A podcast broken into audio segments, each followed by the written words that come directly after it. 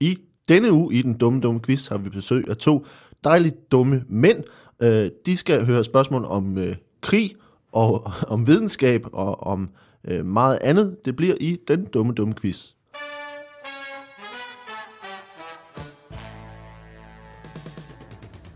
Velkommen til den dumme, dumme quiz, øh, og velkommen til en, et dejligt, dejligt afsnit, som jeg har glædet mig meget til. Velkommen til øh, Simon Astrup. Tak. Øh, jeg, vi præsenterer lige, og til Thomas Hartmann også. Tak skal du have. Det er skønt, I vil være her. Øh, jeg, jeg, jeg har begyndt at, at, at fortælle, hvad folk laver. Og jeg vil bare lige få en introduktion, fordi at, at i de første 10 afsnit, vi har lavet, har jeg bare sagt, øh, velkommen til Martin. Hej Martin. Og så har Martin, Martin sagt, hej. Og så er vi gået videre. øh, Simon, du er, du er komiker og tekstforfatter. Ja, Hvad, hvad, hvad, hvad laver du i øjeblikket? af dumme ting? Eller Er dumme ting, eller bare ting? Øh, Det må gerne- det må helst være dumme ting. Jeg arbejder faktisk sammen med, med Hartmann på et øh, Torben Chris-program til Zulu, der kommer her snart. Øh, så det, det, det glæder vi os meget til at komme, komme ud. Og så, så er en dum ting, det er, at jeg, jeg øh, sidder lige i øjeblikket og redigerer øh, de programmer, der hedder Sødministeriet Live, øh, som er Michael Sødt, der interviewer nogle, øh, nogle politikere. Der er jeg gået i gang med at skulle redigere hans interview med Marie Krarup fra Dansk Folkeparti. Øh, og jeg havde, Ja. godt, jeg havde ikke set det inden. Jeg havde godt fået at vide, at det, hun ligesom er- eksploderede i raseri på et tidspunkt, og så har jeg fået at vide, altså normalt er de en halv time lang, men det er så en time lang, fordi at, at Sødt ikke rigtig kan styre det. Og så fik jeg at vide, at de første 40 minutter er, er ok, og de sidste 20 minutter, det, det er helt bananas. Og at da jeg var cirka 9 minutter inde i det, der tænkte jeg, det her er jo fuldstændig nuts. Det er jo stukket helt af allerede nu. Altså. Det kan være, jeg Det, skal, det, har jeg været rigtig dumt. det kan være, jeg skal høre Marie Krav, om hun har lyst til at være med i den dumme, dumme quiz på et tidspunkt. Nu kan det være, at jeg spørger dumt, meget Ja. ja. apropos quizens tema. Men hvorfor sidder du og redigerer noget, der er live? Eller har det bare et dumt navn? Det hedder Sødministeriet Live, fordi det er live interviews foran et publikum, som Ah, bliver optaget nede på Nørrebro Teater. Live on tape. Men, øh, og, og Thomas, øh, Ja. vel, velkommen til. Du sidder du og laver andet end, du, du sidder og skriver på Torbens øh, program. Ja, jeg er med på programredaktionen. Det er et program, der hedder- kommer til at hedde Giver det mening, ifølge Torben Chris. Og de af os, der kender Torben, ved, at det er meget få ting, der giver mening, ifølge Torben Chris. Ja. Og derudover så skal jeg også så småt i gang med, eller jeg er så småt i gang med at skrive til Mensum 3. Ja. Ja. Sjovt nok også sammen med Torben Chris. Vi skal jo rundt på tur her til efteråret. Vi starter, jeg mener, den 20. i 9 ja. Som i parentes bemærket er dagen efter mit 20-års jubilæum. Nej, slut var fire dage efter mit 20-års jubilæum som komiker. 20 år. Ja, det er meget. Det virker dumt. Ja, det virker virkelig dumt. Men nu er jeg egentlig også, nu har jeg også malet mig selv lidt ind i et hjørne, fordi nu kan jeg ikke andet. Altså, jeg har været væk fra arbejdsmarkedet siden 1996. Ikke? Jeg har jo ikke Du har arbejdet en lille smule, kan- ikke? Altså, du har lavet lidt undervejs i 20 år, ikke? Altså, jeg er med der, på... der gik faktisk to år, før jeg kunne, før jeg kunne leve af det. Og i ja. de to år, der læste jeg HF og fik altså SU. Og det var de der sådan småpenge, der kommer ind på Comedy i starten, øh, øh, kombineret med SU'en. Der arbejdede jeg en lille smule som øh, arbejdsmand ude i min kammerats bilbutik. Og s- s- siden 1998, der har jeg ikke lavet andet end comedy-relaterede ting. Men, men det er jo fordi, det, det er faktisk noget, det jeg er i gang med at undersøge i øjeblikket. Det er det der med at sige, hvad er et rigtigt arbejde? Altså, fordi at sætte sig ned og skrive noget dumt, altså, jeg, jeg har svært ved ligesom at få, få, få lige mig med det ind i mit eget hoved, at det er et rigtigt arbejde. Altså, at, at jeg, så, hvis jeg sidder og forbereder et øh, quiz til i dag, for eksempel, så sidder jeg også og tænker, det er ikke rigtigt arbejde at sidde, du ved. Altså, det skal du være glad for. Det skal du være glad for, at du stadigvæk har det sådan. Fordi altså for mig er mange af tingene gået hen og blevet et arbejde. Også når jeg skal ud og lave jobs og så videre. ikke? Selv når jeg skal hen et dejligt sted som Comedy Zoo, og det er jo altid en fornøjelse at optræde dernede. Mm. Men det kan være svært efterhånden at komme hjem fra. Altså, jeg har jo ikke den der ligesom nye komiker med, ja, jeg skal bare ud og optræde, og, hvis, og man går i panik, hvis man ser, at der er 14 dages hul i kalenderen, hvor der ikke er noget job. Nej, det har jeg det snarere ret godt med. Du tænker bare, puh, godt, jeg ikke skal nogen steder. Ja, Godt, jeg ikke skal ud og få folk til bare at grine helt vildt. Men, men, men, men, men jeg tror ikke, det er fordi, at jeg tænker, at jeg hellere ville lade være med at gøre det. Jeg tror bare, det er fordi, jeg, jeg ja, det kan jo godt være stadigvæk sådan en, en, en, en øh, jomfruelig fornemmelse, der ligesom tænker, fuck man, der er jo nogen, der er st- stået op klokken 8 i dag. Altså, Ja, nå, men altså, den, den side af sagen er jeg stadigvæk syv. holdt op med at sætte pris på. Jeg synes, det er fantastisk, at man kan gå ned og handle klokken halv 11, når der, når der ikke er kø, Ja. udover at pensionister og så videre, og de er sgu som regel meget hyggelige. Jo. Og er når man er afsted på tur, ikke? Når, man er, når man er afsted på klubtur eksempelvis, og man bare sådan daller rundt, og man, det eneste, man har lavet indtil videre, det er at tjekke ud fra et hotel i Kolding, og så er man kørt til Vejle og tjekket ind på et andet hotel, og jamen, så dasker man lidt rundt i gågaden og ser, om der er noget i biografen, og går ned i sådan et der, der skal man virkelig minde sig selv, om jeg er i gang med at passe mit arbejde lige nu. Det, Ja. ja. det, det, det føles som om, jeg dogner og forsømmer alting, men jeg er i gang med det, jeg skal nu. Ja, for det er faktisk, jeg har no, no, nogle venner, som er, jeg kender en del, som er skuespillere også, så det der med ligesom at sige, jamen det du skal i dag, fordi du skal spille om aftenen, det er, at du skal slappe af, og så skal du forberede dig mentalt til at kunne lave en præstation om aftenen, og det, det er det. Altså, det Det er jo så naturligt måske skal du tage ned og træne, og det er ligesom det. Jamen, det er så naturligt indgroet i, vores, i hele vores rytme og hele vores mm. samfundsstruktur, at fyraften, det er om aftenen. Ja. Men det er jo vores, det er jo vores fyraften, altså det er jo øh, i løbet af dagen. Ikke? Hvis man skal ned og eksempelvis at lave et dobbeltshow nede på Comedy Zoo, jamen altså man er dernede klokken øh, 18.30 på fredag og lørdag, mm. og man er først hjemme igen klokken halv to om natten. Ja. Så det er jo en, en fuld arbejdsdag der. Ikke? Så der, er man er jo ikke forpligtet til at lave noget i løbet af dagen, men sådan har man det tit. Som om, "Oh, jeg, Jeg tror, også mest, jeg tror også mest, det er det der med, at man tænker, når man så ikke, altså, jeg havde det sådan, da jeg læste på universitetet, havde jeg sådan tænkt, hvis jeg ikke lavede noget, så burde jeg lave noget. Ja. Altså, og sådan har det lidt nogle gange, når jeg ikke skriver noget, eller ikke er på, på, noget, på en eller anden måde forbereder noget tekst, eller noget af optræden, så tænker jeg, det burde jeg gøre nu. Fordi også- i virkeligheden, så kunne man gøre det hele tiden. Men det er bare, det, er, det kan man ikke, Valdemar. Det er en stor del af jobbet, det er faktisk at lade op til at Og lade være med at lave noget. Arbejde. Ja. Ja. men jeg synes, man, man glemmer også det der, at, at når man snakker meget med folk, sådan, når man så er du ude og optræde en halv time, at det er bare det, du arbejder, men man glemmer også sådan lidt, jamen, jeg har også forberedt mig vildt meget inden. Altså, det skrevet der med, nej, og- skal du have så mange penge for at optræde en halv time? Ja, men jeg har også bare stået på open mics og prøvet ting af, og gået hjem og skrevet om, og gået ud og prøvet af, og gået hjem og skrive om, og gået ud og prøvet af, og brugt vildt meget tid på at forberede. Og det kan jo også godt være ret intense.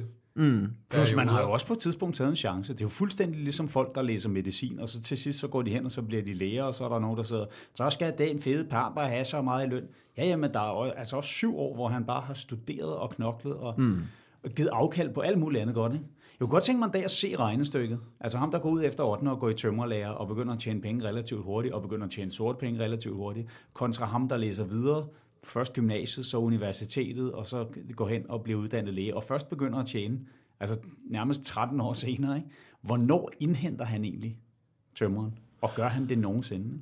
Jamen, det, skær det tror jeg vist nok, de, jeg, jeg, jeg havde nemlig en diskussion med en for nylig, som ligesom, hvor jeg også, tr- der var sådan en, en idé i mit hoved, som tænkte, nå jamen, så tjener de mere over et liv, fordi de arbejder tidligere. Så, men, men den forskel, der er på at være, være øh, håndværker, øh, er, og så være høj, altså have en lang videregående uddannelse og have et højt betalt job, er ret stor, så det, de overhaler, man overhaler det. Men der er jo også mange, der har en lang videregående uddannelse, som ikke har et højt betalt job. Det er så det.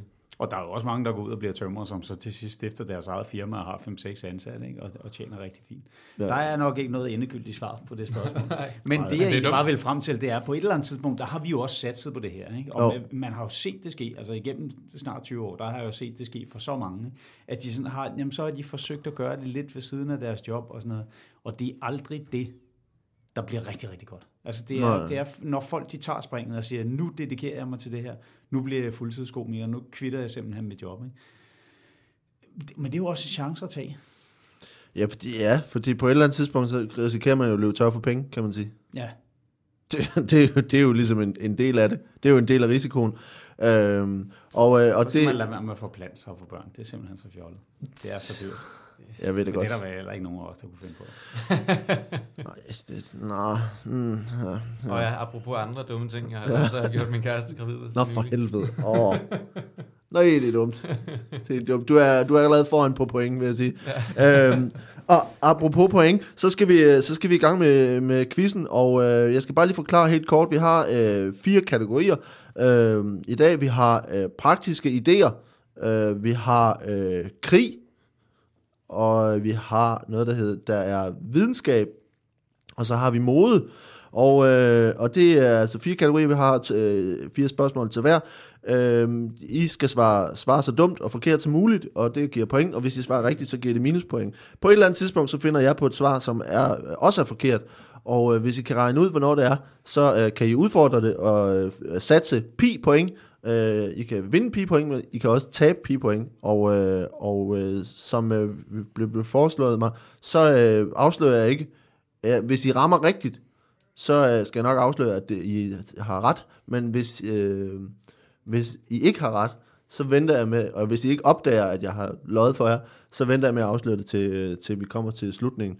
Øh, men øh, alt det, det skal vi nok finde ud af. Det er og- også smartest, fordi ellers ville vi jo vide, at det ikke var nogen af de efterfølgende. Præcis, præcis. Det var det, jeg blev gjort opmærksom på- på efter afsnit 11, jeg havde optaget. øh, så øh, så det, var, det var dejligt. Øh, men øh, vi starter med øh, praktiske idéer, og øh, vi kan starte hos, øh, hos Thomas. Øh, og øh, du får et, et spørgsmål her om, øh, om Norge. Og øh, Det er dumt. Ja, det er dumt. Øh, der er nemlig det, at den, den norske vinter kan være deprimerende, og i den norske by Rykan, som er i en dyb dal, kan der gå op til syv måneder uden solskin. Det fandt de dog imidlertid en løsning på. Hvad var det, de gjorde i Norge? Ja, det har jeg læst om. De lavede det, der hed The Sunshine Mall, hvor man gik ind, og der var det simpelthen, der har de, i stedet for vinduer, der har de store fladskærme, og de har sådan noget daylight-belysning op i loftet, så det ja. ligner ovenlysvinduer. Og er du der i det, der normalt er dagtimerne, jamen så strømmer solen ind, og så hen mod aften, så er der en helt almindelig solnedgang. Så der holder de altså sådan en, en sensommer døgnrytme derinde. Okay. Og der er alskens spisesteder og indkøbscenter. Der er så er jo også en indendørs skibakke, hvilket virker fuldstændig fjollet og overflødigt i Norge. Men det er, fordi jamen, altså, ellers så er deres alternativ, det er jo at stå på ski i mørke. Ja. Og, og, og, og hvordan, hvordan, øh, hvordan påvirker det de her beboere, at de, de har, altså, hvor tit, hvor, hvor meget be- befinder de sig i det her mall? Jamen, det er jo individuelt. Det er, det er jo, hvor meget man nu end vælger at gøre det. Men det er jo, det er jo noget, der også er kendt herhjemmefra. Ja. At man bruger lysterapi simpelthen mm. imod vinterdepression. Ikke? Der er jo mange psykologer også, der foreslår, at man skal gå ned simpelthen til solarium om vinteren. Ikke for at blive brun, men for at få den der dosis lys og varme og bare ligge og slappe af. Okay. Og det vil jeg også lægge mærke til. Der er, jo, der er jo tit efterhånden i solcenter, der er jo indbygget sådan et lille lydsystem, hvor der er musikkanaler, men ofte så er en kanal, og en af kanalerne, det er også bare havbrus og mågeskrig og sådan noget, så du Ja. kan få den der illusion af at ligge på stranden. Okay. Og det har de altså per- perfektioneret i, i, i Norge? Øhm, I Sunshine Mall. Sunshine Mall. Okay. Jamen, øh, det, er, det er ikke rigtigt. Øh, jeg skal fortælle, at det de gjorde faktisk øh, i den her by, Rykan, som er, altså det er en dyb dal, øh, det de gjorde, det var, at de konstruerede nogle kæmpe store spejle på, øh, på bjergsiderne. Det havde jeg så meget lyst til at give som det forkerte svar. Men jeg tænkte, det skulle ikke undre mig, om det var det rigtige. Ja. Altså store spejle på bjergsiderne, der kan reflektere solen ned til byen, altså til byens torv. Øh, og ved hjælp af altså, de her øh, computerdrevne motorer på spejlene, så følger, den ligesom, så, så følger de solen på bjergsiderne, så der ligesom er mere sollys i byen, end, øh, end der ellers øh, har, øh, har været. Og det øh, øh virker, altså, at, øh, at så, så har de lys øh, mere end... Så de altså ikke... Ja, det udjævner også lidt forskellen på dem, der har været så heldige at få en sydvendt lejlighed, og dem, der har måttet trække sig med en nordvendt. Fordi det, så ligger solen jo så på den anden side. Men det er også lidt et andet byggeprojekt, end at sige, at vi gerne vil have altan i vores, øh, vores øh, andelsforening. Vi siger, kan vi ikke bygge, det, bygge et kæmpe stort spejl op på den der bjergside? Øh, Verdens mest narcissistiske by. det var bare, har bare et kæmpe, kæmpe stort spejl. Øh, men det, men det, det er en, en, et vildt projekt, ikke? Ligesom, også bare det der med, at man, man som, som altså den der by bare tænker, hvad, jeg har sgu lige en idé. Hvad, hvad, siger, I- hvad siger I til det her? Jeg bare tænker, Altså, det kan kun være bedre end, end syv måneder i en fucking dal i Norge, hvor der ikke er solskin. Men, øh, men det var altså det, de gjorde.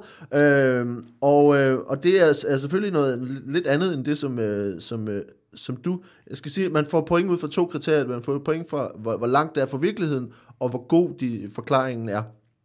Øh, så vi skal lige se her. Nu skal vi skrive Det ned er en her. rigtig god forklaring. Er det ikke en meget god forklaring? Jeg synes, det er en rigtig god forklaring. Ikke, at jeg skal sidde og give øh, Hartmann point, men øh, Det, jeg det, synes, det var en rigtig god det er tilpas dumt at, Ja, at ja. hjælpe uh, Hartmann med at, at, Ja. at vinde her fra starten af.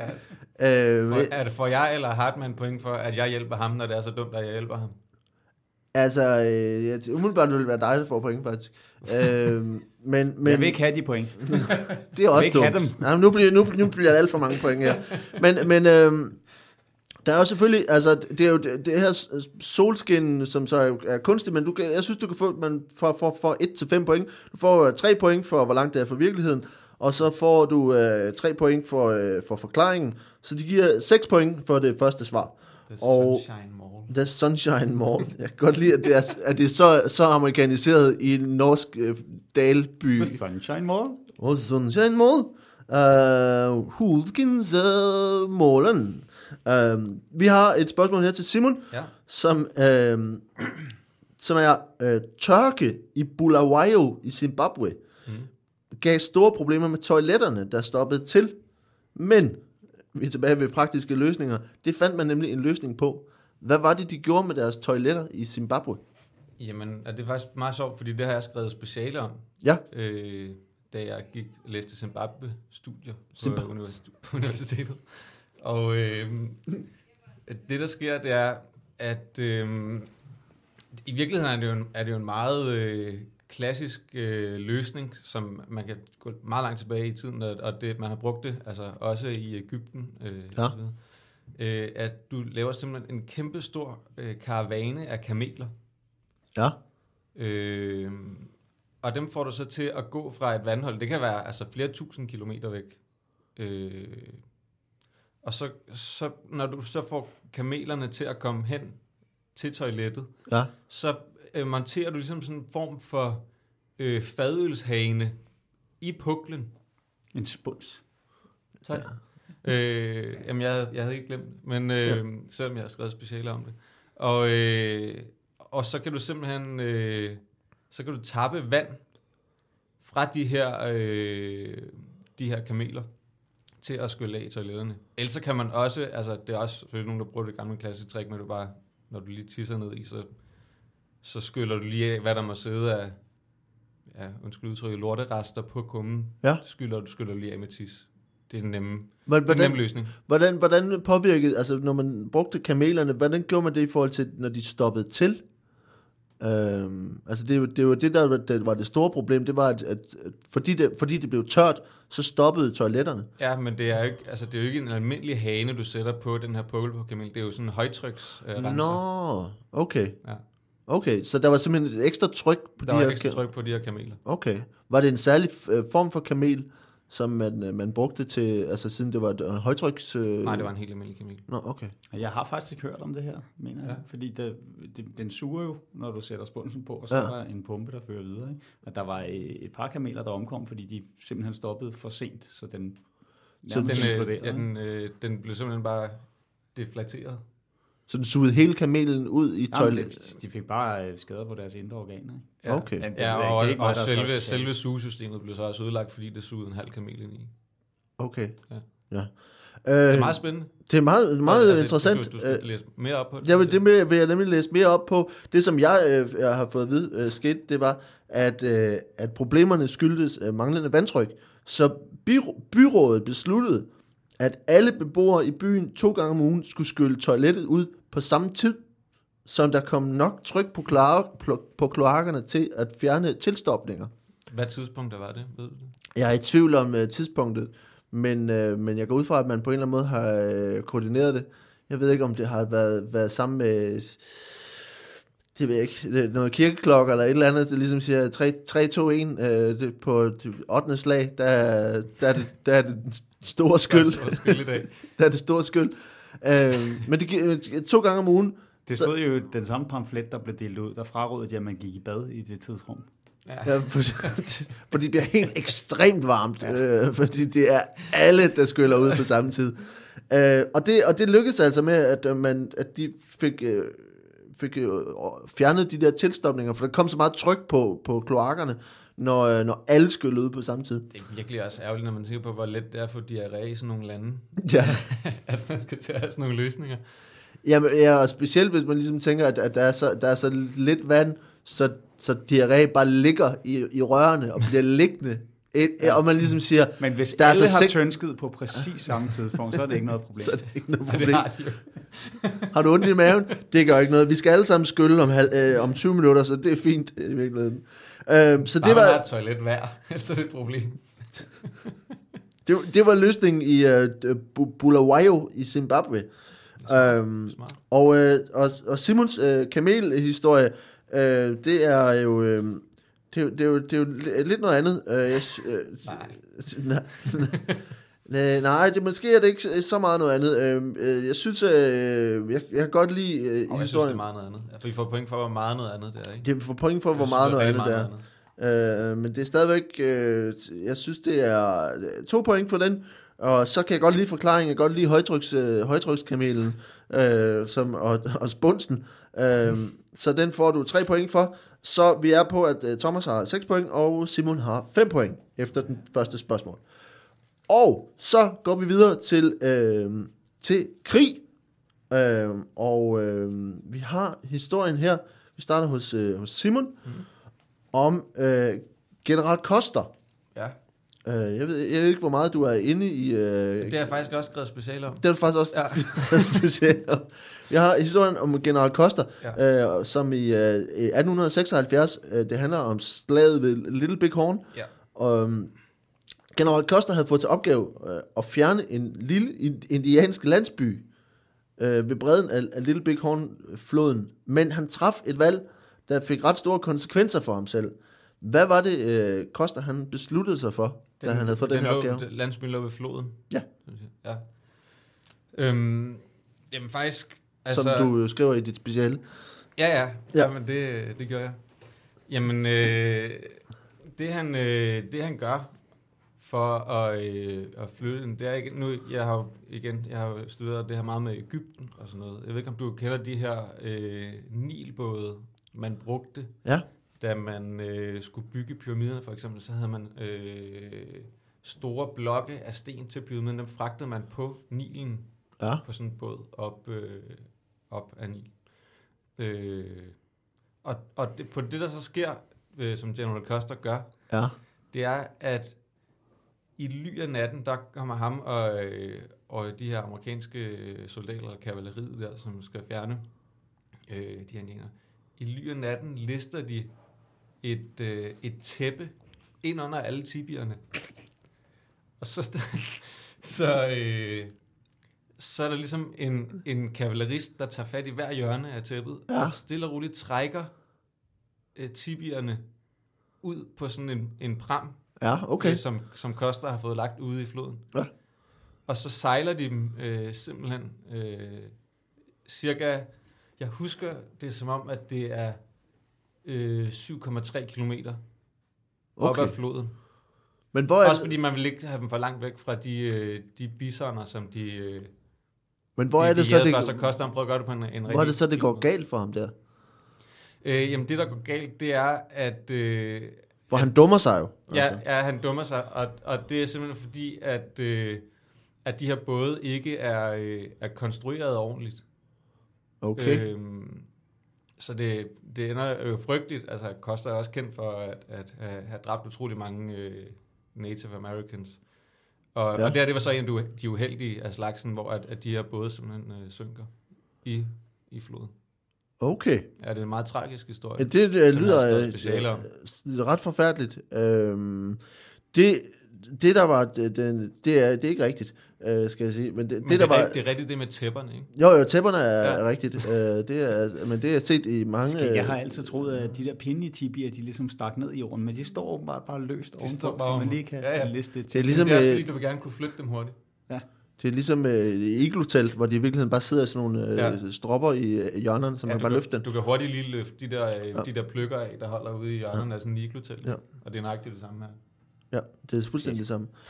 Det, øh, historien handler om, at øh, om Gatling, Gatling maskingevær, der på det her tidspunkt i, i 1876 var det, det nyeste våben, og som øh, general Custer faktisk havde til rådighed.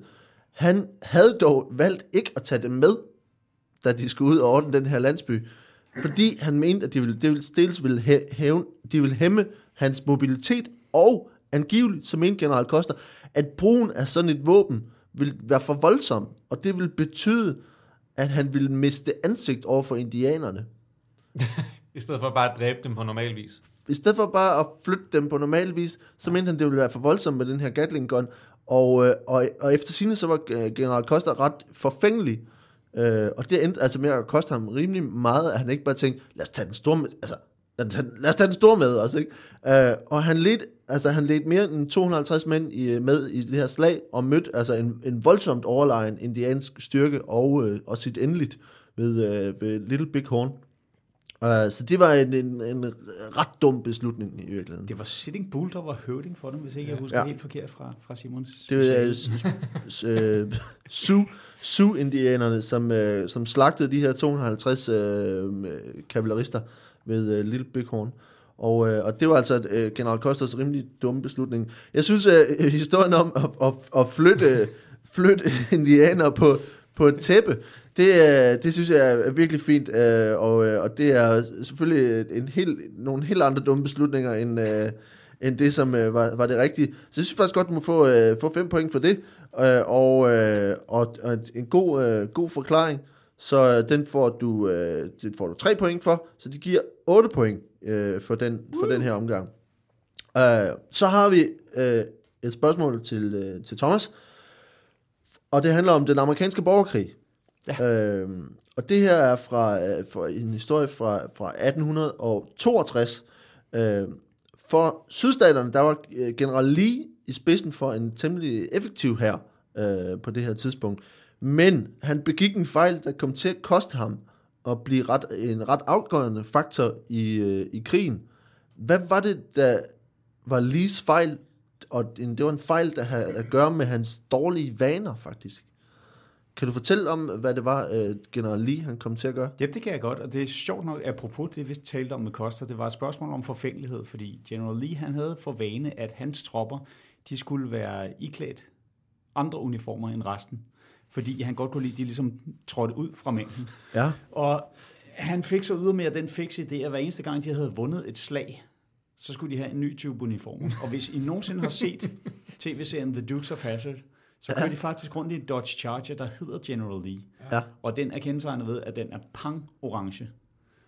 Og han iførte altså sine uniformer, pang-orange uniformer. Og nu skulle man umiddelbart tro, at det havde noget at gøre med, at de var dårligt kamufleret og så fremdeles, men det var faktisk slet ikke det, der var tilfældet. Tilfældet var, at de havde brugt det farvestof, som man udvinder. Man bruger det jo den dag i dag i madlavning. Ja. Det er nogle, øh, nogle biller fra Mexico, hvor man knuser deres skal. Man, kan- du kan købe øh, lyserød polenta, som er farvet ved hjælp af de her biller. Ikke?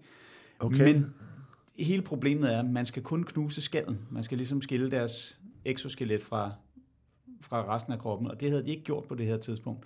Så der var et øh, voldsomt, voldsomt udbrud af allergiske reaktioner på de her nyfarvede uniformer hos en masse af hans soldater, og de blev simpelthen ukampdygtige, og det gjorde, at han blev tværet ud i en stil, der var altså meget, meget uvandt. Og han var i øvrigt selv sengeliggende, han var slet ikke til stede til at Han lede var slet ikke til stede, mens Nej. de blev øh, Men han havde udkommanderet tropperne alligevel, fordi ja, igen er vi tilbage ved forfængeligheden. Ikke? Ja. Det ville være et knæk for hans stolthed at skulle trække sig fra et slag.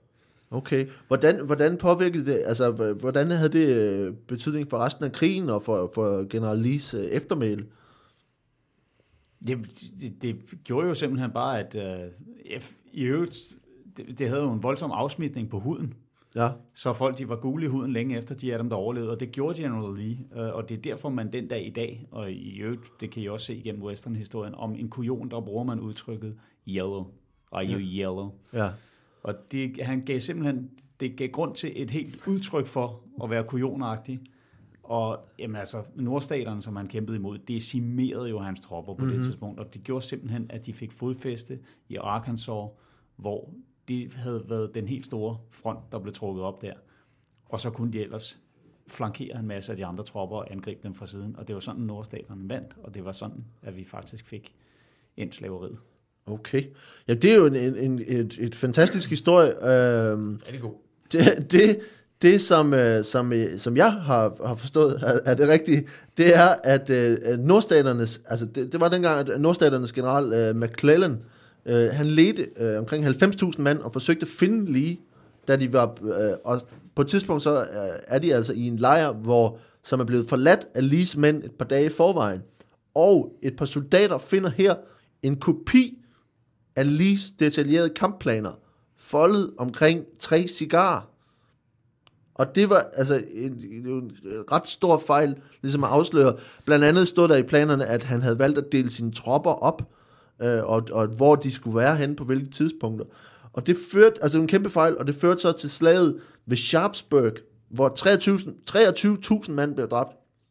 Men faktisk lidt om, om muligt vigtigere end det, så var det, at på det her tidspunkt, så havde England været på nippet til at træde ind i krigen og hjælpe sydstaterne, øh, fordi de havde bomuldshandel med sydstaterne. Og, øh, og det her øh, kæmpe nederlag for general Lee var blandt andet med til at gøre, at øh, englænderne ligesom tænkte, det venter vi lige med. Det, vi ser lige, hvor det her er på vej hen først. Øh, og det er altså ret store konsekvenser, konsekvenser for, deres, øh, for den videre krig. Øh, så, øh, så det er... Øh, det er lidt en anden historie, og, øh, og, og mere rigtigt. Øhm, men, øh, men jeg synes, det, det er en, en, en rigtig god historie med, med kamuflagen og øh, den forfængelige general Lee. Øhm, øh, det er, det, jeg synes, du kan få øh, fire point for, hvor langt det er fra virkeligheden.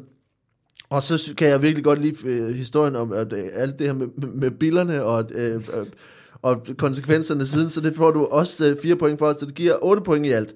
Øh, og vi er nået til, at øh, vi er nået halvvejs, øh, og Thomas har 14 point, og Simon har 13 point. Og Spændende. Spændende. Vi holder en, øh, en ganske kort pause, og så er vi tilbage med mere. Hej. Jeg skal sige ganske få ting, inden vi går videre med quizzen. Og det er, at hvis du godt kan lide det her, og det går ud fra, at du kan, Øh, du lytter stadigvæk med, og det gør du lidt endnu, øh, selvom jeg bliver ved med at snakke. Så gå ind på iTunes, øh, bedøm os, øh, giv os en anmeldelse, giv os fem stjerner, det vil være fremragende. En anden ting er, at nogen har, har spurgt, om de må få lov til at donere nogle penge til programmet. Det må du meget gerne. Faktisk har vi fået oprettet det, øh, som er på hjemmesiden, der hedder tier, altså 10er.dk. E øh, der kan du nu på dumquiz.tier.dk finde en mulighed for at give os nogle penge for det her. Øh, man kan donere øh, 5, 10, 15, 20 kroner per afsnit, alt efter hvad man lige øh, har lyst til. Så øh, gå ind på dumquiz.tier.dk. Det vil være en kæmpe hjælp, fordi så øh, kan vi få mere tid til at lave de her quizprogrammer. Endelig så skal jeg sige, at jeg laver engelsk comedy øh, i Odense, Aarhus og København den 25., 26. og 27. april med den fantastiske Paul Curry. Det er på engelsk, og det er helt fantastisk. Vi går tilbage til quizzen. Tak fordi du lytter. Hej! Vi er tilbage med mere quiz, og med Thomas Hartmann og Simon Astrup. Øhm, er I klar til mere? Ja. Det lyder dejligt. Vi, øh, vi har fået et øh, tip fra en lytter. Øh, det gør vi en gang imellem. Vi har øh, meget dejlige øh, lyttere. Og øh, så derfor så øh, har, har vi følgende her. Henriette, øh, hun skriver, Uh, jeg hørte et af dine under, uh, underlige, underholdende afsnit, det er det samme. Uh, afsnit i går kom i tanke om en gammel nyhedshistorie, jeg hørte, som jeg synes var rigtig dum. Nemlig, at, at en fugl skulle have tabt et stykke brød i LHC, altså The Large Hadron Collider, ved CERN, og være skyld i en strømafbrydelse. Jeg har googlet lidt og fundet to ting i forbindelse med den historie, som tænkte, du måske kunne bruge eller blive inspireret af. Og den ene ting er altså, at CERN afkræfter, at det var et stykke brød, der var skyld i strømmeafbrydelsen, men indrømmer, at man fandt brødkrummer og en fjer ved den påvirkede generator. Det, det synes jeg er ret vildt. Uh, og den anden ting, altså det vi har et spørgsmål om, hun skriver mange tak for en uh, fantastisk podcast, jeg er vild med konceptet, og vi siger tak til Henriette for det. For det andet spørgsmål, som er en anden teori om, hvorfor uh, hele det her Super Collider ting uh, gik galt, det kommer altså her, og uh, lad os starte over hos, uh, hos Simon. Fordi Holger Bæk Nielsen og en japansk fysiker mener at kunne vise matematisk, at problemerne med den her supercollider skyldes noget helt andet end fire. Hvad skyldes det ifølge de, de her to forskere? Ja, det er... Det er, en, det er, en, øh, er noget, du har skrevet specielt om? Nej, det, det er faktisk ikke øh, noget, jeg har skrevet specielt om. Min lillebror har skrevet specielt om det. Nå, okay. Øh, så jeg vil mene, at jeg er lidt inde, øh, inde i det også. Øh. Og, øh, og øh, vi er stadigvæk over i, øh, i madvarer, faktisk. Ja. Øhm, det, og, altså, vi er i kødafdelingen også. Det handler om, at, øh, at, ja. at i virkeligheden, så, øh, så skyldes det, at, øh, at man finder en kylotte i den her øh, generator. Øhm, og man tænker, hvordan, hvordan, altså det er jo en historie, som CERN ikke har vil, vil ud med. En kylotte? Øh, ja, altså man har ligesom bare valgt at sige, ja, du ved, måske er det det her, vi har måske også fundet nogle fjer og noget brød og sådan noget, fordi det er, en, det er jo en lidt pinlig historie, som man ja. vil ud med den, så det er, altså nu er det interne oplysninger fra CERN, jeg, jeg giver jer. Okay. Øh, så det skal ikke ligesom videre end det her. Nej, vi holder det til os. Ja. Øh, man har fået en ny kantinedame i CERN. Ja. Og øh, og det, der sker, det er, at øh, lige ved siden af, af generatorrummet der, der er øh, affaldsrummet også De ligger simpelthen øh, lige ved siden af hinanden, og man kan, man kan nemt øh, tage fejl af dem, Ja, især okay. når man er ny medarbejder. Ikke? Øhm, så der er den her, øh, den her kylotte er, øh, er kommet i overskud i kantinen. De har ikke øh, været så sultne i dag, ellers har de spist noget andet end øh, en kylotte. Den her kantinedame kommer simpelthen til at smide en, øh, En kylotte en, en kylotte ned i generatoren. ind i generatoren. Ja. Og det er det, som øh, Holger Bæk og de her øh, japanske videnskabsfolk, de mener, de kan, de kan påvise. Nu, nu er det Men så som ikke... CERN stadig afviser jo. Hvordan er, men hvordan påviser man kylotte matematisk? Øhm, det er meget med, hvordan det... det kan... Det er jo noget med, at, at du, kender, du kender Ohms lov, ikke? Jo, Jo. Du, men det er altså ikke Ohms lov, det er Ohms lov. det, du kan simpelthen måle, øh, måle, hvor meget modstand der er i, i kredsløbet med matematik. Øh, og så kan du så, altså, ud fra hvor meget modstand der er, vurdere, at det, at det er en kylotte. Det er jo, også- der er jo også præcise optegnelser over, over øh, output og input, fordi ja. Ja. det bliver jo simpelthen sendt rundt i, i kredspartiklerne her. Ikke? Ja. Og hvis det møder noget... Når man accelererer en kylotte med lysets Nej, nej, hastighed. men, Nej, det er jo ikke- det er kylotter, Men der partiklerne skal jo okay. passere igennem, og, Nå. og det vil jo give et, øh, et afbrydelse i flowet.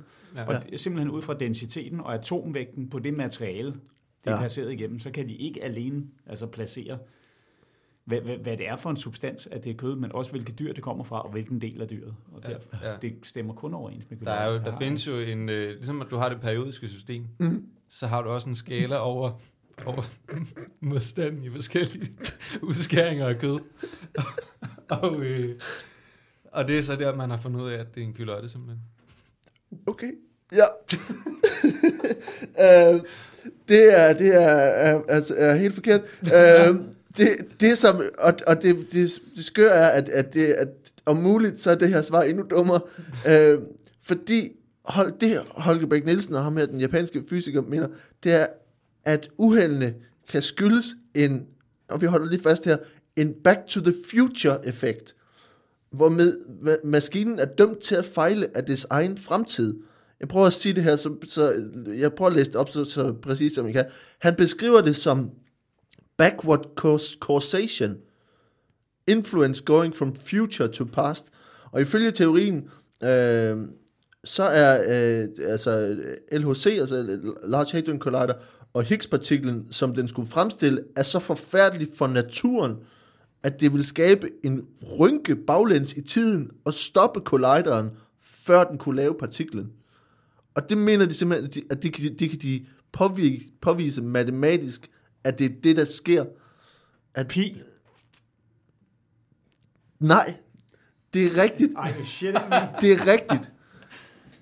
Øh, det, øh, altså, og de, og der, der er artikler om det, og, og, altså, men hvis man nogensinde har set Holger Bæk Nielsen, tænker man, det tror jeg godt, han kunne finde på. Øh, men, øh, men de har simpelthen lavet beregninger, og der er andre for, altså forskere andre steder for, som tænker, altså, sa- øh, udtalt ligesom, matematikken, det hænger sammen. Altså, øh, så, så de mener altså, at der er noget i øh, udviklingen af den her Higgs-boson-partikel, øh, som er så forfærdelig for naturen, at den ligesom går, Spoler tilbage. spoler Siger, tilbage "Ej, ej, og det gør siger, det ikke, det her." det er lidt ligesom en, øh, vi snakker om et, et, et, symbol, et, et billede på, at det skulle være en tidsrejsende, der går tilbage for at slå sin egen bedstefar ihjel. Ikke? Det er sådan ligesom den, den idé, der er i det.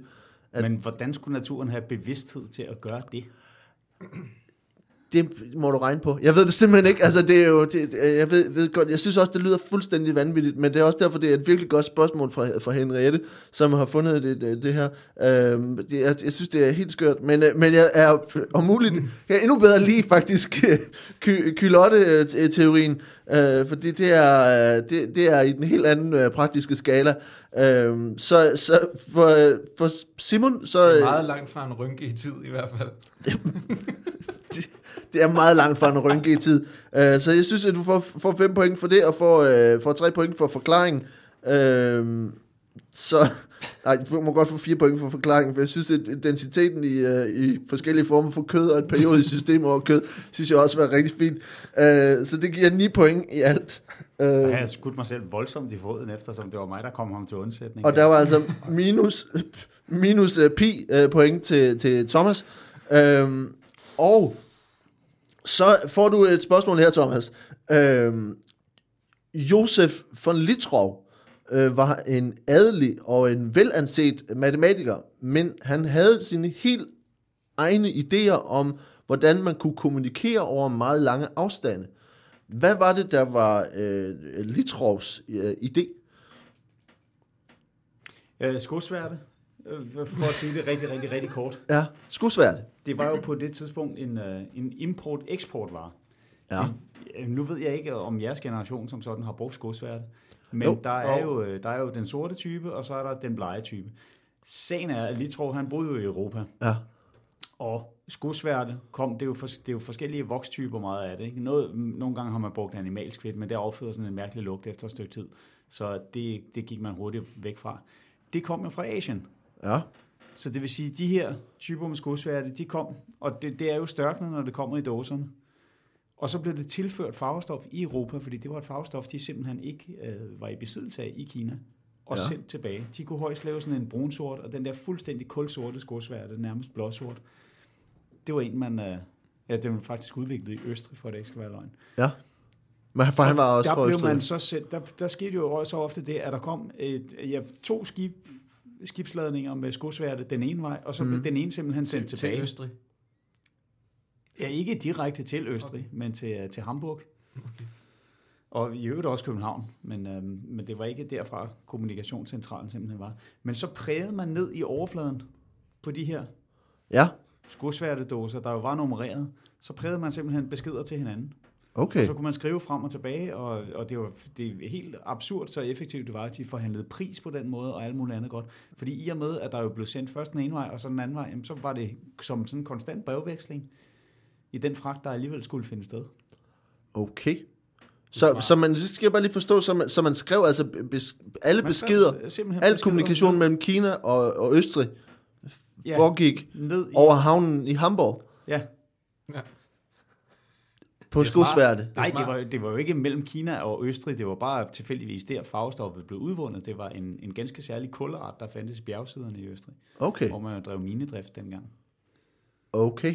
Men, og, og Meget hvad af det grafit, vi stadig den dag i dag bruger i kuglepen, det er jo, det er jo fra Østrig. Der blev udvundet simpelthen så store mængder af grafit tilbage i 1600-tallet, at Ja. det, den dag i dag er det, vi Når man har simpelthen taget så meget op af jorden, at man, man slet ikke har brugt det siden. Det har ikke kunnet betale sig for andre at drive minedrift. Altså grafit er jo sådan rimelig hyppigt forekommende, men der blev simpelthen udvundet så store mængder dengang, at i og med, det jo allerede er udvundet, så kan de sælge det til en langt lavere pris og, underbyde enhver, der vil drive minedrift for at, udvinde grafit. Så okay. ind, indtil de depoter ligesom er opbrugt, og eftersom vi i højere og højere grad går væk fra at bruge grafit i eksempelvis blyanter, så, øh, jamen, så lader det aldrig til, at det nogensinde slipper op. En af Ja, Østrigs lønningerne var enormt lave dengang, ikke? Så det har været enormt billigt at udvinde. Ja, helt vanvittigt. Altså, Og det, det, altså en af Østrigs absolut rigeste familier er jo en grafitfamilie mere eller mindre. Det er et grafitimperium, de sidder på der. Men, men det er jo fuldstændig beside the point. Det var, en, ja. det var en kulart, man brugte til, og den kom fra Østrig, men det var jo kommunikationen imellem Hamburg, som mere eller mindre var Europas handelshovedstad. Mm. Og i øvrigt også København. Det gamle øh, navn for København er jo Hafnia, Ja. som simpelthen bare betyder havn på latin. Ja. Og øhm, det, det, det blev, der blev skrevet meddelelser frem og tilbage. Det, der er rigtig interessant ved det her, det er, ja. at de, de havde simpelthen deres eget sprog. Det var nærmest sådan en form for, for stenografi, en form for shorthand, eftersom skriftsproget i Kina jo var markant anderledes end det i Europa. Ikke? Okay. Og det er et sprog, som aldrig, det har aldrig eksisteret som lyd. Der er ingen, der kan tale det. Det er udelukkende et skriftsprog. Ja. Okay, jamen, øh, men det, er, det, det lyder som en, en, en fantastisk forklaring. Øh, det, det, som øh, var det rigtige med Litrov, det var, at øh, han havde specialiseret sig i øh, telekinese og i, øh, i sådan en langdistance tankeoverførsel. Øh, og, og det mente han, at han kunne gøre. Øh, han havde her i, øh, i, i slutningen af 1800-tallet det her institut i Østrig, faktisk, for han var østriger, hvor han øh, forskede i øh, tankeoverførsel over, altså over landegrænser, altså over lange afstand. Øh, og øh, det gjorde han i, i mange, mange år, hvor han, øh, hvor han havde det her Litrov, øh, det her institut, han arbejdede på. Men, øh, men problemet var, at han, han, øh, han på et tidspunkt blev afsløret, fordi at man, man afslørede ham i, at han i virkeligheden brugte brevduer. Øh, så han havde, altså, havde en lang karriere, hvor han udgav øh, gav lange artikler omkring, hvordan man kunne kommunikere på, på afstand, men, øh, men i virkeligheden så viste han faktisk at være en stor svindler, som, øh, som aldrig havde kunnet noget i virkeligheden. Øh, ja, det er rigtigt. Nej, og jeg var, lige ved at se, jeg var lige ved det, men jeg var ikke sikker på, om man kunne gøre det to gange. Det kan man godt. Yes. Åh, nu taber jeg jo stort. Nej, for helvede. Øh, nå, Simon, Simon vinder øh, øh, pi point, øh, og det er fordi, at den rigtige forklaring faktisk er øh, som følger, at Litrov, og det er, er endnu mere åndssvagt, øh, Litrov var faktisk meget interesseret i rummet, og i muligheden for liv i rummet, øh, og specielt et spørgsmål om at få kontakt med andet liv derude. Og det han foreslog, som var hans idé, det var for at få kontakt, så foreslog han at grave en 30 km bred grøft, og fylde det med brandbare væske, og sætte ild til det. Og han mente, fordi han mente, hans teori var, at en stor nok brand ville kunne ses fra himlen af forbipasserende væsener.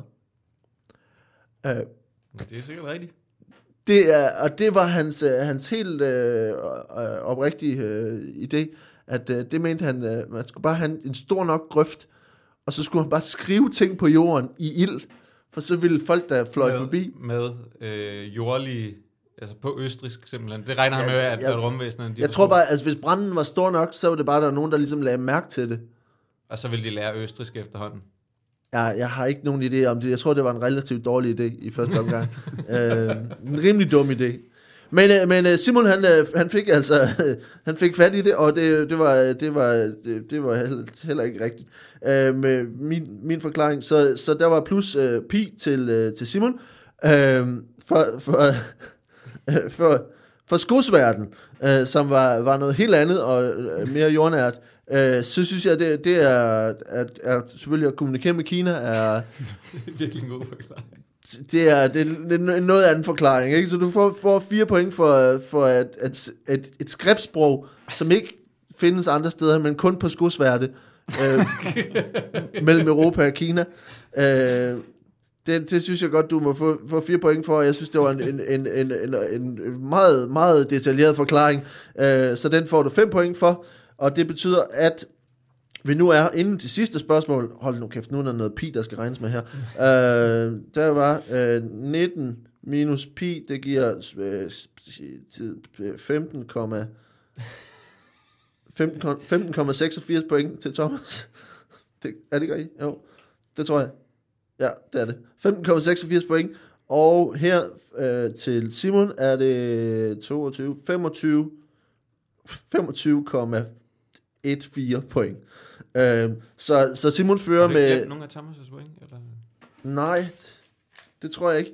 Fordi at, at, Thomas han havde 14 point, og så fik han 9 point og minus pi. Okay. Så øh, det, det her pointsystem er, Det er meget dumt, helt, meget dumt pointsystem. det er et helt utroligt dumt pointsystem. øh, men der var både plusser og minuser, og, øh, og derved så er vi klar til den, øh, den, det aller sidste spørgsmål, mm. som handler om øh, mode. Og, og øh, vi, vi starter øh, hos, øh, ja, vi starter øh, hos Thomas, som øh, får, øh, får det her, øh, som er handler om tænder.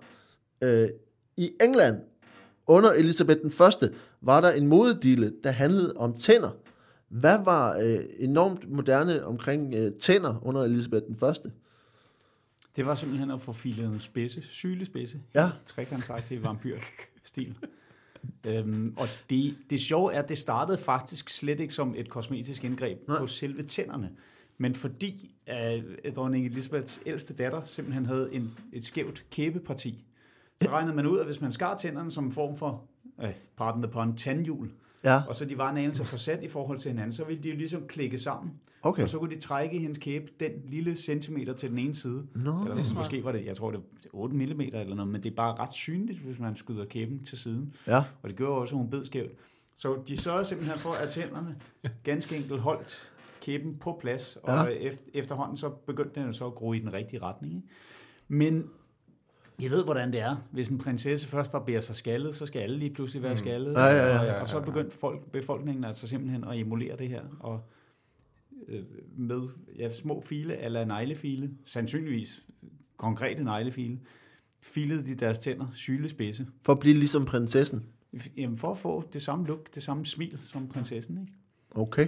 Og så fandt de jo så også ud af ydermere, at der var nogle af bønderne, som øh, uden at det var det, der var formålet, kom til at give sig selv en rodbehandling, fordi det øjeblik, du høvler tilpas meget af tanden, så er nerverne ja. jo blotlagt, og så falder de ud, og så kan det godt være, at tænderne på længere sigt rådner, men smerterne stopper her og nu. Ikke? Ja. Og, øh, og så de gjorde dem bedre i stand til at, at tykke, og paradoxalt nok, så blev flere af dem jo altså sundere af det, fordi som vi ved den dag i dag, så jo bedre du tykker maden, desto bedre kan du også fordøje den. Så den Ja. ja. lille smule næring, der var i den smalkost, de fik, den tog de altså bedre til sig, fordi du begynder at udskille nogle enzymer allerede op i mundhulen.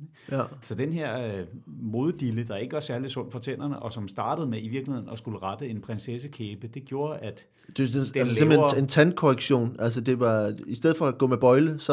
Øh, så Nej, det, ja, det var en kæbekorrektion. Det var for at trække hendes kæbe på plads. Ja. Ja. Ikke? Og så dannede det sig bare mode, fordi nu havde hun jo lige pludselig de her fuldstændig trekantede tænder. Ikke? Og så, øh, jamen, så begyndte folk at efterligne det.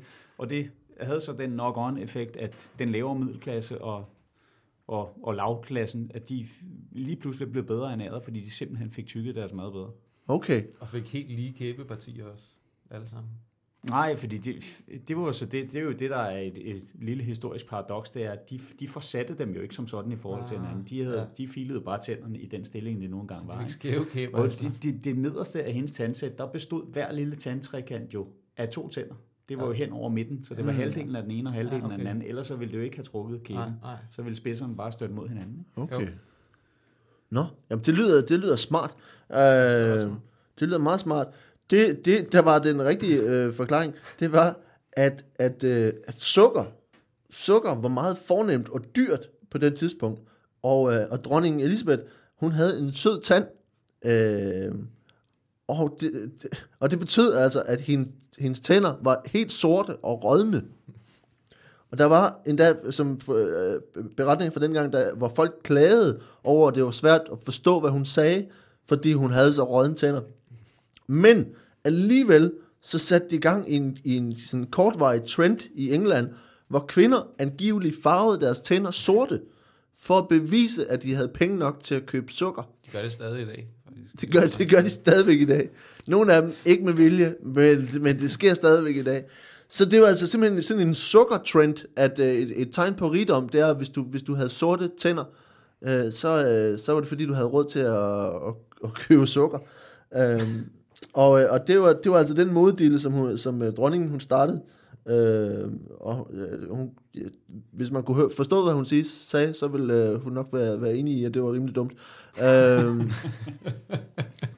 men, øh, men, men det her, den her ta- øh, kæbekorrektion, øh, synes jeg er, er, øh, Rigtig dumt. er rigtig dumt.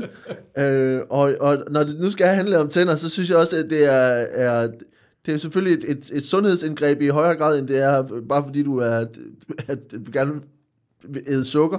Øh, så jeg synes, der er fire point for det, og, øh, og for en meget udførlig forklaring igen, får du også fire point, så du ender på øh, 23 23,86 point. Øh, og så, så Simon kan bare... Øh, Min eneste chance nu er sådan set, hvis Simon han rammer det rigtige svar, uden at vide det. det er nok der, vi er. Ja. Ja. Og, og at jeg siger pi på hans forklaring, selvom jeg godt ved, at den er rigtig. Vi kommer nemlig til det aller sidste spørgsmål til Simon, øh, øh, som er øh, Chopin, øh, altså C-H-O-P-I-N, Chopin. Chopin Ja. Chopin. var højeste mode i Venedig i det 16. og 17. århundrede. Mm. Det var smart, men det var også praktisk i Venedigs mudrede gader. Men hvad var Chopin? Chopin. Øhm, jamen, øh, det kommer jo af, øh, det kommer fra øh, komponisten øh, Chopin. Og, øh, Som blev født øh, nogle hundrede år senere. øh, Ja.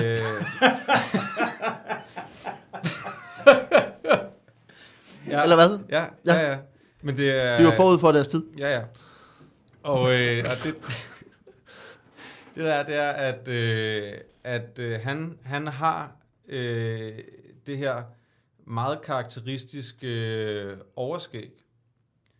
Og, øh, Ja. Og, og, øh, og så fordi der ligesom, han var, han var så populær, som han var også tilbage i tiden. Ja. Øh, så, øh, Det blev Så så han var der- mærke først, at de havde startet den der Large Hadron Collider. Ja, ja, ja. Så opdagede folk en komponent. Så Chopin kom tilbage i tiden ja, ja, ja. og spillede og, klaver. Øh, og det gjorde, at øh, mange, øh, mange kvinder anlagde sig et kunstigt overskæg simpelthen, Nå, i, ja. øh, i Venedig. Ja. Og, øh, og det gjorde, at, øh, at, at nogle gange så var der sådan øh, øh, store forvirringer, men det gjorde også, at, at øh, kvinder faktisk tidligt i Venedig kom ind på arbejdsmarkedet. Okay. Det var kun mænd, der måtte øh, arbejde. Ja. Øh, men så fordi, at den her mode øh, ligesom øh, startede, så det startede med de her øh, øh, gondolierer, ikke?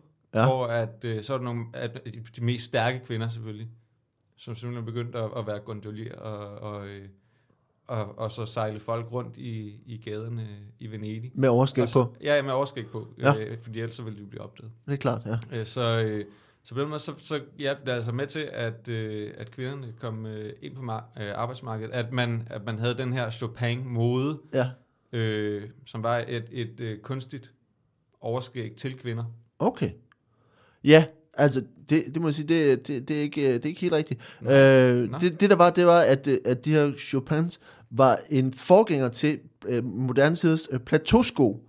Øh, og med tykke, høje såle, så hjalp de altså kvinder med at bevæge sig, bevæge sig i øh, Venedigs gader, der tit var mudrede og ujævne, ujævne. Men det var også forbundet med rigdom og status. Så jo højere skoen var, det er fuldstændig modsat af i dag, øh, umiddelbart, øh, jo højere skoen var, jo vigtigere var personen. Og det løb selvfølgelig løsk, lø- løbsk. Så på et mu- museum i Venedig, så har de udstillet et par sko på 20 inches. Øh, og de var simpelthen så høje, så det var nødvendigt at have en at støtte sig til, for at kunne holde balancen, når man gik på dem. Øh, hvilket du, Jo. En, der stødte sig til, som havde en lidt lavere sko, Bare som en- stadig en- kunne nå deres skulder. marginalt lavere sko, så du lige kunne støtte dig til deres skuldre. Ja. Uh, så det var nogle, nogle voldsomt høje sko, som man kunne gå rundt i. Det ligner, når man ser billeder, det ligner sådan, sådan, en, sådan en elefantfod, som man ligesom trådte op, op på, så man så kunne vade oven i, i mudder. Um, og, uh, og ja, Det er sgu meget sjovt, det der med, altså nu har vi lige haft det her med, øh, med, øh, med de her sko, og det her med, at, at, øh, at folk de farvede deres tænder sorte, og, og det er også sådan meget klassisk ting, det der med, at så, så folk de var helt vildt fede for at vise, at de var rige, og sådan mm. nogle ting, hvor der, at man har skiltet meget med, at man var rig før i tiden, hvor i dag har man bare en konto i Panama. ja det, er, jo- det er noget helt andet i dag. Ja, bortset fra, hvis man er rapper. Så kan man have det hele hængende om halsen. Ja. Og, og have filet sylespidse guldtænder. Men det sjove er, det er, det er jo også et spørgsmål om at tage sin rigdom med sig. Det er det, de kalder ghetto wealth. Det der med, at du skal Ja. kunne have alle dine ejendele med dig, fordi du ved aldrig, hvornår dit hjem er blevet raided. Nej, det er selvfølgelig det. Det, det er sådan, det startede, lige så vel som den der åndssvage buksemode. Det var jo for at vise sympati med deres bro, der sad, der sad i fængsel. Fordi der fik de jo de der One prison size uniform, fits. som bare one size fits no one. Ikke? Mm. Ja. Så det, det, de bukserne på folk i fængslerne, de hang jo gerne, fordi de skulle også kunne sidde på de største. Er det rigtigt? For at vise sympati, ja. ja Det må jeg altså desværre give dig et minuspoint for. Vi bryder os ikke om, at, øh, at der bliver sagt rigtige ting. Øh, det, er, det er jeg meget ked af, men øh, der må blive Jeg troede, vi var færdige. der bliver nødt til at være konsekvent. Øh, Jeg, jeg, jeg mødte jo meget apropos, jeg mødte en, en, en fransk pige, som jeg troede var, hun var utrolig sofistikeret, hun var glad for klassisk musik og sådan noget. Hun fortalte mig på første date, at hun godt kunne lide Chopin. Det viser sig, at det var bare shopping med Ah. fransk accent. Simon, Det er forkert. Altså, det, det, det er forkert, det passer ikke, det, det er løgn. Simon, du får, øh, får de sidste, sidste point for, for overskægget her. Du får øh, for, øh, gondoliererne, de kvindelige gondolierer, får du 3 point, og øh, for forklaringen får du også 3 point, så du ender på 31,14. Og uh, Thomas, du er med det minuspoint for den rigtige svar her til sidst, du ender du på 22,86 point, og en stor sejr til Simon. Uh, imponerende. Yes. Dumt af dig. Uh, det er flot, og uh, fremragende, at uh, I har Flot lyst at til at... dum. Flot at være så dum. Uh, inden, uh, inden vi slutter, så skal jeg bare høre, om der er noget i uh, det her uh, kommer ud her uh, om den 10. tror jeg, det bliver. Ja. Så er der noget, I uh, laver, uh, som I vil gøre reklame for? Lige i den nærmeste fremtid? Jamen, jeg har da en uge nede på Comedy Zoo sammen med Dan Andersen og Mark Lefebvre, der starter den 19. må det være. Den, Den 19.. Og så Ja. Er det tirsdag, torsdag, fredag og lørdag. Der må folk da meget gerne kigge ned. Det bliver hyggeligt. på Comedy Zoo. Ja. Og øh, ellers så skal man bare følge med, når, øh, når Torben Chris han øh, kommer på det- skærmen på et eller andet tidspunkt. Jeg, det, det må være rigtig snart. Første program skal optages i næste uge, så det vil sige... Jeg tror synes faktisk, jeg- det bliver sendt den 18. Det første program. Ja, det lyder meget rigtigt. Så hold øje med rulleteksterne efter jer to. Nej, det, jeg synes, man skal se Det programmet. ikke. Ja. Bare sidde, bare sidde og vente på rulleteksterne. Det, øh, det bliver sikkert lige så, lige så dumt og forkert, som det, det. Det- det vi har lavet i dag. I skal i hvert fald have tak, fordi I havde lyst til at være med. Tak fordi Og øh, jamen, det var så lidt. Og have en øh, god dag. Måde. Hej.